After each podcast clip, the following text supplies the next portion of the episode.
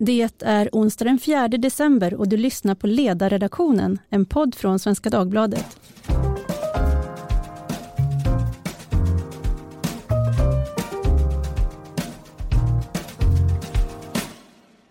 Jag heter Tove Livendal och idag ska vi prata om opinionsläget i allmänhet och vad som händer med socialdemokratin i synnerhet. För häromdagen landade SCBs partisympatiundersökning som visar valresultatet om det skulle vara riksdagsval i november 2019.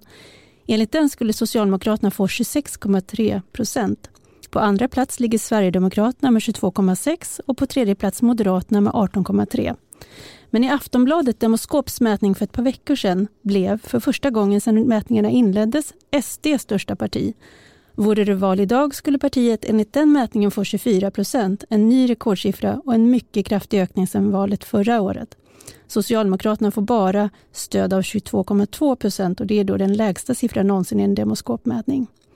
Vad betyder det här? Är det slutet för Sverige som ett socialdemokratiskt land och ett socialdemokratiskt folk? Och vad händer med socialdemokratins självbild om Demoskops mätning skulle bli nästa valresultat? För att tänka kring det här finns i studion här med mig Stigbjörn Ljunggren, S-lutande statsvetare, Lena Josefsson, ordförande för S-kvinnor i Stockholms stad och min koncernkollega Ingvar Persson, ledarskribent i Aftonbladet. Varmt välkomna! Tack så mycket. Tack, tack. Jag kom på en jättefiffig formulering, Triss i S har jag i studion idag. Mm. Det fick vi in lite i Göteborg där också. Jonas Himfors som är statsvetare, han skrev på Twitter idag, för S är SCB-glaset typ både halvfullt och halvtomt. Å ena sidan regeringsunderlaget fortsatt större än den högerkonservativa oppositionen samt har S inte backat mer än vad regeringspartier brukar. Å andra sidan sämsta SCB-siffra någonsin. Om ni får välja ett enda ord för att sammanfatta läget för Socialdemokraterna idag, vad skulle det vara? Lena? Beslutsamt. Stigbjörn? Ängsligt. Ja, och förvirrat. Själv tänkte jag ju på sotdöden. Men om ni får utveckla era tankar lite grann. Ingvar, ska du börja? Ja, det kan jag göra. Det, alltså jag, jag tror inte... Alltså nu kommer de här siffrorna och det är klart att det är väldigt dramatiskt och, och, och vi som, som jobbar på, i tidningsbranschen gör naturligtvis vårt bästa för att göra så mycket som möjligt av våra egna siffror. Men, men egentligen så har väl, är väl förvirringen valresultatet. Att, att liksom inse att det inte längre är socialdemokratin som dikterar villkoren för, för regeringsmakten eller regeringspolitiken. eh, alltså politiken.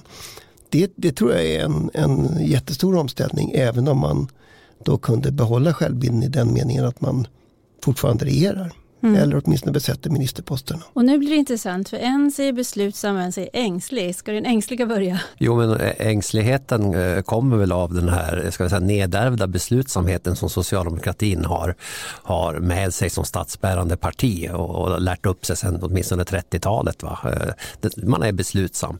Men man är också förvirrad därför att den här beslutsamheten ska tillämpas i en, eh, i en helt okänd miljö.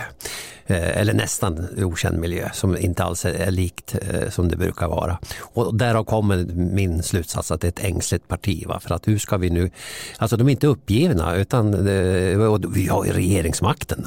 Otroligt viktigt för, för självkänslan så där på, på olika sätt. Eh, och sen så eh, vet de inte riktigt hur de ska hantera eh, den här uppkomna situationen som av allt att döma eh, är, det är inte en parentes utan så här kommer det vara. Detta är det nya normala. Och då har ju sen långt tillbaka har ju socialdemokratin haft som plan att lägga beslag på mittfältet och bilda en mittenregering.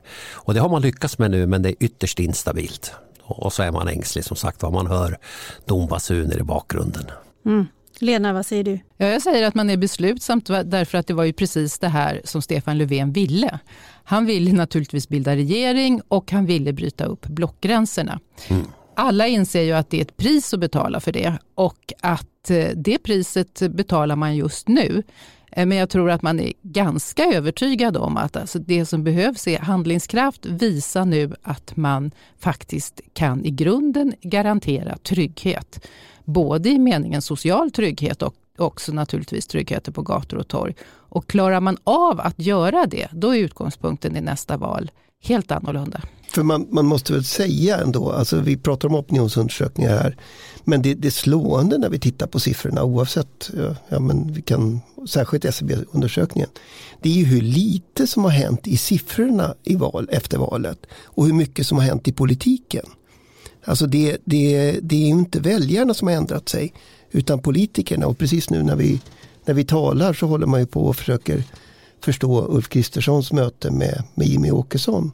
Ja, de hade fikat idag va? Ja. Mm. Ja, och det har vi ju gått och väntat på länge så jag undrar varför det tog sån tid. Ja, och det kan ju verkligen förvåna då att om man säger att socialdemokratin är beslutsam så har man ju ändå en kompassriktning eh, utstakad. Men det kan jag till exempel inte se att vare sig Moderaterna eller Liberalerna har. Och det blir väl intressant att se vad KD gör nu då, när de har trillat så rejält i opinionsmätningarna. Mm. Jag läste eh, en fjärde då med S-koppling, Jan Larsson i Affärsvärlden. Han utvecklade tio råd för den som vill ägna sig åt politik på 2020-talet. Han är tidigare valledare för S och var också statssekreterare under Göran Persson. Och av de här tio råden, man kan väl titta på några av dem, men en sån där sak som eh, punkt 8, håll ihop landet. Nationalstaten är inte död. Vi har ett behov av att höra samman. Eh, och den där den där uppmaningen den hörs ju även på den, eh, liksom, hos, i de liberala kretsarna att ni får inte glömma det här med gemenskap och sammanhållning. Det, det går liksom inte att vara individualist och globalist hur länge som helst utan folk har också ett behov av att känna en samhörighet. Hur väl tycker ni att Socialdemokraterna balanserar kring det här med att både, som man säger alltid, och alla säger det, vilja vara ett öppet land men också vara ett land? Nej, men jag, jag tror att för eh, för socialdemokratin så är det ju naturligtvis självklart så. Man har ägt, om man får säga det, nationalstaten under så många år.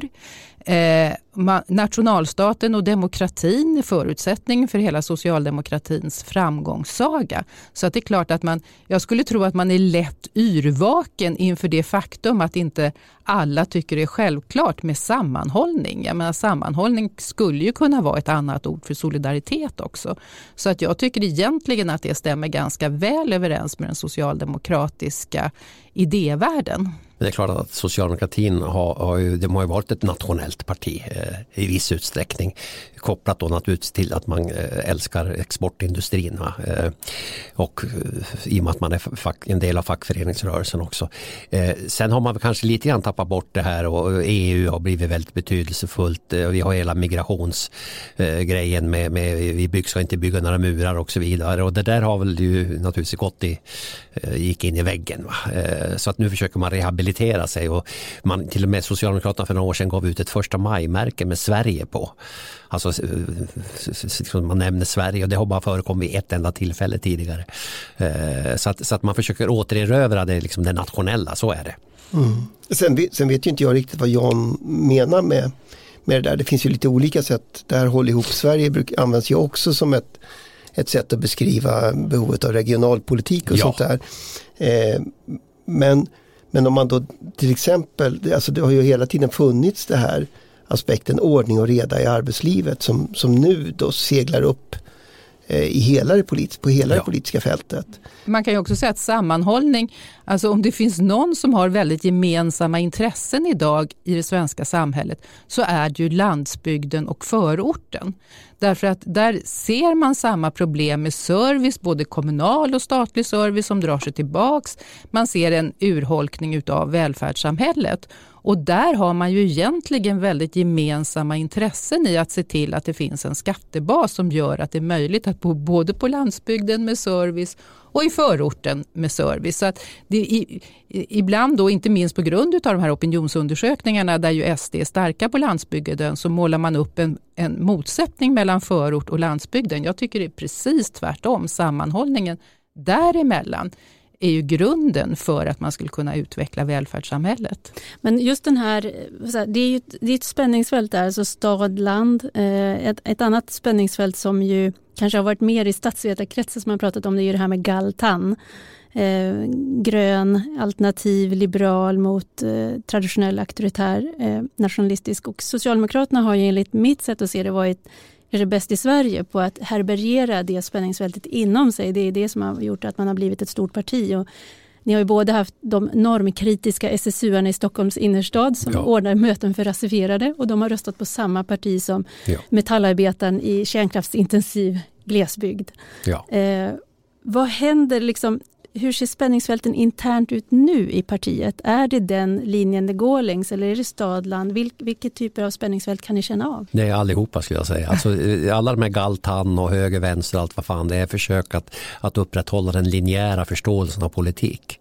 Eh, att det liksom ska gå att sortera in i små lådor så att vi redan i förväg när folk har sagt en bokstav så vet vi resten. Men så fungerar det inte längre utan det, det är en kaotisk politisk situation och jag brukar tjata om att folk säger att vi har ett nytt politiskt landskap. Nej, vi har inget politiskt landskap, det är ett landskapslöst tillstånd och därför är det så svårt att göra den här indelningen. Det enda vi vet om när det gäller socialdemokratin, det är helt rätt beskrivet, det har en, en mycket bred kyrka, det är att en stor del av den här kyrkan, arbetarklassen, har gått till högern. Men jag tror, snarare skulle jag vilja säga att motsättningen finns lite grann därför att jag menar, det är ju ingen tvekan om att socialdemokratin har varit med att eh, förverkliga någon slags liberalism med också någon slags effektivitet och en förändring av ekonomin. Och, där, och det tycker väl alla som har varit med i det projektet från, eh, från höger till vänster om man säger så, att det har gått i vägs ände. Så motsättningen är mellan de som vill ha det som det var förut och de som inte riktigt har formulerat vad alternativet är. Alltså jag tror att det kommer eh, att, att ut, utvecklas motsättningar eller en spänning mellan de som ändå vill se moderniteten, förnyelsen och förändringen och de som tittar tillbaks. Ja, nej men jag skulle vilja säga att socialdemokratin fortfarande är den där breda kyrkan. Eh, sen är det kanske svårare idag och kyrkan är ändå lite mindre men jag tror egentligen inte spänningsfältet när det gäller idéer är, är så hemskt mycket mindre idag. Ja, för de som inte vet om det kan ju vi berätta att, att ge sig in i svensk arbetarrörelse det är som att resa ut i universum. Mm. Alltså du dyker ner på en planet och eh, sätter din bar där det kommer de mest eh, annorlunda figurer som du inte upptäckte. Alltså hur mycket folk som helst och hur många olika inriktningar som helst. Lite mindre kanske men eh, tillräckligt mycket för att det tar en hel livstid för att resa igenom det där universumet. Om vi tar då universum ska vi tala lite om svarta hålet, nämligen ja. Sverigedemokraterna. för att det där är ju en, ja nu är vi då i ett läge där det är uppe och eh, aspirerar på positionen som Sveriges största parti. Eh, det är eh, då därmed möjligt att det skulle kunna bli så i nästa val, att vi står där och har Sverigedemokraterna, att det är största partiet. Och vad säger det, tänker jag då, dels om, om Sverige? Eh, och sen undrar jag då, det sägs ju också att ska man ta svåra beslut i svensk politik, då måste sossarna göra det. Det är ingenting som någon annat parti kan göra. Och där finns ju då en, en teori som har luftats ganska många också av, av partisympatisörer till Socialdemokraterna i den här poddstudion. Jag tror även du Stigbjörn varit inne på det. När ska man liksom bita huvudet av skam? Vem, vem blir den första som liksom lyfter in dem för att få ta ansvar och därmed bli prövad ordentligt i demokratin? Kommer det att ske? Jag pratade i en panel häromveckan med Daniel Färm från Tiden, alltså det kommer aldrig att hända. Eh, men aldrig är ju ett flexibelt begrepp i politiken som vi vet. Så hur hur kommer S att förhålla sig till Sverigedemokraterna?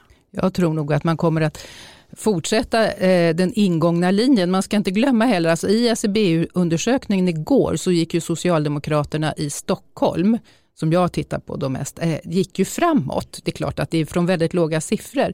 Men alltså jag tror ändå att socialdemokratin har börjat attrahera en storstadsopinion som är väldigt mycket emot Sverigedemokraterna. Så skulle man dels rent taktiskt då, skulle man eh, börja samarbeta med dem, då, måste, då skulle man förlora där. Eh, men vad man måste göra är att göra sig trovärdig i de grupper som idag har lämnat och jag tror att det är fullständigt uteslutet att Socialdemokraterna skulle börja samarbeta med ett gammalt nazistparti. Jag tror inte på det. Och jag tror inte att, det är så konstigt därför att när Moderaterna inte vill samarbeta med Socialdemokraterna och när, eh, när Socialdemokraterna inte vill samarbeta med Moderaterna, då är det ingen som säger att det är diskriminering och att man nonchalerar väljaropinionen utan det är fullständigt självklart. Det är två olika partier Eh, och de eh, vill inte samarbeta med varandra för de tycker olika. Vad är det för konstigt med det? Men Sverigedemokraterna de ska helt plötsligt ha inflytande eh, fast ingen egentligen tycker om dem. Jag tycker det är konstigt. Nej, det kommer inte att bli så att Socialdemokraterna plötsligt börjar samarbeta med Sverigedemokraterna. Eh, däremot det som kommer att hända är att ute i kommunerna så kommer man att börja lära sig att samtala med varandra. Och i en och annan kommun så kanske det uppkommer en situation där, där eh, man faktiskt kan ta stöd av varandra i, olika lägen. Eh, menar, I kommunerna så är man, man har liksom verkligheten under naglarna och därför måste man vara lite mer promiskuös. Va? Det ser vi redan hur det ser ut ute i kommunerna. Det andra som kommer att inträffa att ju starkare Sverigedemokraterna blir desto mer kommer olika intresseorganisationer att tvingas att ge sig i kast med och samtala med dem för att påverka i olika lägen. Eh, och för det tredje som kommer att inträffa att Socialdemokraterna i varje fall måste börja prata med, med Sverigedemokraterna. Och det, detta är ju eh, vad vanligt folk också säger. Eh, alltså, jag tycker inte om Sverigedemokraterna men man måste åtminstone tala med dem. Eh, det liksom ingår i den svenska modellen. Så det blir, tror jag, kanske som det var med Vänsterpartiet att sossarna hade, eh, började ju faktiskt diskutera med dem när de kunde leverera eh, mandat. Va? Att det gäller att vinna den här omröstningen va, i slutet på all diskussion och där, där tror jag det kommer att bli så. Men att de kommer att sätta sig tillsammans i någon situation, då krävs det nog ett världskrig eller något. Alltså för, för det första får man väl skilja mellan partiet och, och väljarna. Det är klart att Socialdemokraterna alltid kommer att ha ambitionen att vinna tillbaka de utav de här väljarna som man har förlorat.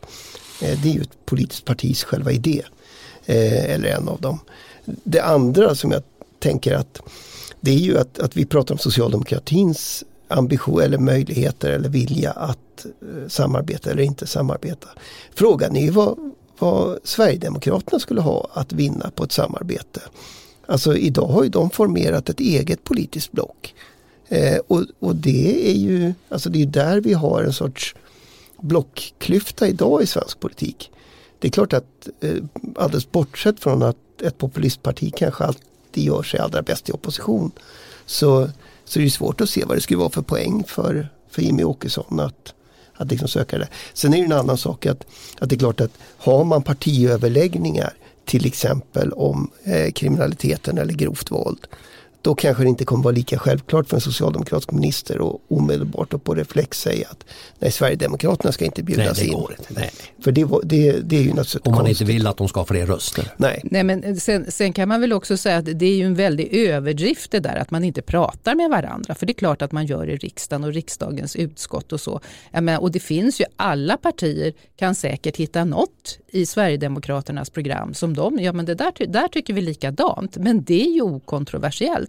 När man tycker likadant, ja men då röstar man ju på samma sätt. Så det är ju inte, ja ibland finns det väl några taktiska överläggningar också. Så det är ju inte eh, så märkvärdigt eller märkligt. För det gäller ju också socialdemokrater och moderater. Ibland hittar man något gemensamt spår eller någon gemensam ja, fråga. De röstar dessutom med varandra rätt ofta, moderater ja, och sossarna. väldigt ofta om man ser det historiskt. Så att det, det, är liksom, så att det där är ju en väldig överdrift men, men ett samarbete. Mm, men det kommer väl också av det här extremt positionerande samtalet vi har nu, att partierna måste liksom ut där och flaxa med stjärtfjädrarna. Men i praktiken så är det mindre dramatiskt än vad som framställs. Mm. Eh, jag funderar på det här med smärtpunkter. Alltså Sverigedemokraterna, oavsett, jag tror ju att de är projiceringsdyta för ganska mycket, stödet mm. för dem. Men hur den är så kommer man inte runt invandringsfrågan. Och där finns ju ett antal ganska rejäla smärtpunkter oavsett om man kommer från höger och vänster. Och eh, för socialdemokratin så har vi ju, om vi tar frågan att få in folk på arbetsmarknaden, men väldigt många av de som kommer har för låga kvalifikationer för att kunna ta jobb till de löner som finns idag, de nivåer som vi har. Hur ska, hur ska socialdemokratin reda ut detta? Ja, alltså eh, där är ju, i Sverige har vi när det gäller arbetsmarknaden en idé om att det är parterna som ska göra det. Och där har Socialdemokraterna tycker att slarva med att lägga press på fackföreningsrörelsen att, att, att försöka tillsammans med, med kapitalisterna hitta, hitta lösningar där staten kan så att säga, bidra. Och, och, det här finns det ju naturligtvis från fackföreningarna en, en, en genuin reell oro för att det här skulle liksom sänka lönerna. Va? Men i det här läget så är det inte det som är den stora frågan. Det är ju huruvida vi ska liksom hålla ihop det här samhället eller inte. Och då får man vid ett och annat tillfälle så får man liksom knäcka något ägg va? för att det ska bli en omelett. Och här är det en sån. Fast jag kan, inte, jag kan inte se att lönefrågan är den avgörande. Alltså i, i det här fallet så har vi nu en erfarenhet av ganska lång tid utav, utav stora lönesubventioner. Så att kostnaden rejält är ju inte särskilt, eh, alltså kan inte vara särskilt betungande. Utan det finns ju uppenbarligen andra saker. Jag, alltså jag tror inte det finns några väldigt enkla och väldigt snabba lösningar på de, på de här problemen. Det är klart att om stora delar av de allra minst kvalificerade eh, personerna bor där det finns väldigt lite eh, arbetsuppgifter helt enkelt, eller, eller jobb, då blir det besvärligt. Om vi har ett system där eh, kunskaps eller kvalifikationshöjningen på hela arbetsmarknaden inte fungerar, ja men då slår det mot de som har sämst kvalifikationer. Men jag håller helt med Ingvar, alltså att, att, det måste vara en bättre väg att gå lönesubventionsvägen än att sänka löner, för då kommer det ju också på sikt att uppstå stora motsättningar när man ser att levnadsstandarden urholkas för alla på arbetsmarknaden, för det blir ju förr eller senare konsekvensen, att man får en allmän lönesänkning. Men däremot så tycker jag att man måste ju Eh, alltså nu när det ju ändå verkar som att kommunerna ska ta ett större ansvar då det gäller arbetsförmedling så måste man ju börja fundera. Eh, alltså om man eh, är en del i det offentliga försörjningssystemet då måste man antingen studera eller arbeta om man inte är sjuk förstås. Alltså det är inte orimligt att tänka sig att om man får försörjningsstöd till exempel att det också ställs krav på att man då utbildar sig under den tiden eller att man gör något an, någon annan form av jobb. Men, men, men Socialdemokraterna gick till val på att, att alla som kan ska arbeta. Alla som kan ska arbeta. Mm, mm. Och det är klart att sen är frågan hur man gör detta. Själva ja, pappslöjden kan man alltid diskutera. Ja, fast en fråga i pappslöjden blir ju ändå att om, om subventioner är vägen så innebär det ju ändå här, hur länge kommer socialdemokratiska väljare att vara med på att, att eh, skattebetalarna betalar andra för att jobba den vägen. Jo, men i offentlig sektor så gör man ju det. Ja. Ja, men det, och det har ju alltid funnits och mer eller mindre utbrett, eller utbyggt naturligtvis med subventioner av olika slag. Så att det tror inte jag är så upprörande. Jag tror att det är mer upprörande att man faktiskt inte har ett arbete eller en utbildning. Det ställer ju enorma krav på organisation från samhället att man då ska se till att alla får en bra utbildning Alternativt att man då ska, ska ha någon form av jobb under den tiden så man får någon form av försörjningsstöd från samhället. Så att det är ju en gigantisk reform eh, om den verkligen ska fungera. Men jag tror alltså att man måste gå den vägen för jag tror att det är mer oacceptabelt att man inte går till ett arbete eller utbildning. Sen kan jag inte bara låta bli, och även om småsint, och påpeka att vi subventionerar ju eh, jobb där vi måste importera arbetskraft idag. Hela rutsystemet till exempel. Fast nu har ju det i och för sig inte gått till så många invandrade personer. Nej exakt, men däremot så importeras det ju en del eh, arbetskraft till, till, till de här tjänsterna. Och, och vi har väl, eh, alltså det uppdagar sig ju mer och mer att vi har ju, det är ju liksom tre olika problem kan man säga. Dels har vi då de som får asyl och där tycker jag att vi fortsätter ska vara eh, generösa då det gäller asyl eller vi ska följa de regler som finns internationellt. Men sen har man ju arbetskraftsinvandringen och den är ju både på gott och ont och det är ju ingen tvekan om att vi har fått in arbetskraft som lever på extremt dåliga villkor och som till och med är skyldiga arbetsgivarna pengar. Så kan vi inte ha det. Och sen så har vi ju folk som är här fast de inte ska vara här. Då, och, det, och den gruppen gruppen som ju då är ganska många och som förmodligen finns på våra byggarbetsplatser. Det måste man ju också komma åt och hantera. Men däremot då det gäller asylrätten så är jag, tycker jag inte att man kan prata om kvoter och mängd och vad det nu är för något. Jag har en sista fråga och det är ju det här med höger-vänsterskalan. Du, du, du raskade bara förbi den tidigare Stigbjörn, men den är ju jag ganska, den. Ja, den är ganska viktig och det finns ju bara ett parti tror jag i Sverige och, och det är Eh, det som ni finns kring där man fortfarande ser dödsannonser med eh, socialdemokratiska symbolen, partisymbolen i och det är en enormt stark koppling till ett parti.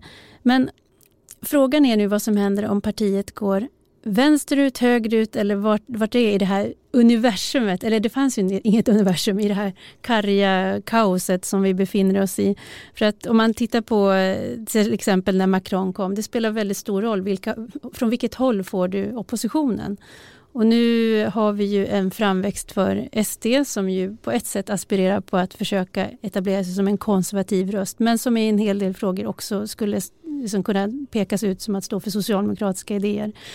Så vad, vad, är Socialdemokraterna för parti idag om man orienterar det längs höger-vänsterskalan och vad har riktningen, vart är riktningen på väg? Man är väl ett vänsterliberalt parti som man väl i princip har varit ja, väldigt länge. Mm, jag säger väl samma sak. Mitten, vänster, eh, någonstans. Liberalt. Mitten, vänster. Vad säger du Stig? Nej, jag tror inte att man behöver liksom inte definiera sig med de där etiketterna utan man läser Svenska Dagbladet som för ett antal år skrev, någon begåvad skribent skrev att det enda som behövs för en framgångsrik arbetsrörelse, det är, arbetarrörelse det är arbete åt alla och en lön man kan leva på. Och sen skulle jag lägga till som tredje punkt att se för fan till att tågen går i tid. Hur svårt kan det vara? De tre punkterna, då kan man fånga både från höger och vänster och gall och tann och fan och hans moster. Ja, där förenas du och jag Stig som idoga pendlare. Från Uppsala också. Svärandes ja. längs jag, jag, tror, spåret. jag tror vi alla har en del erfarenhet av det. Hörrni, det finns mycket att återkomma till. Stort tack för att ni ville komma hit idag och göra oss lite klokare, hoppas jag. Eh, vi ska sätta punkt för idag. Ni som har lyssnat kan gå in eller höra av er till ledarsidan svd.se om ni har frågor eller synpunkter på programmet. Stort tack till Ingvar Persson, Stig Ljunggren och Lena Josefsson. Tack för idag.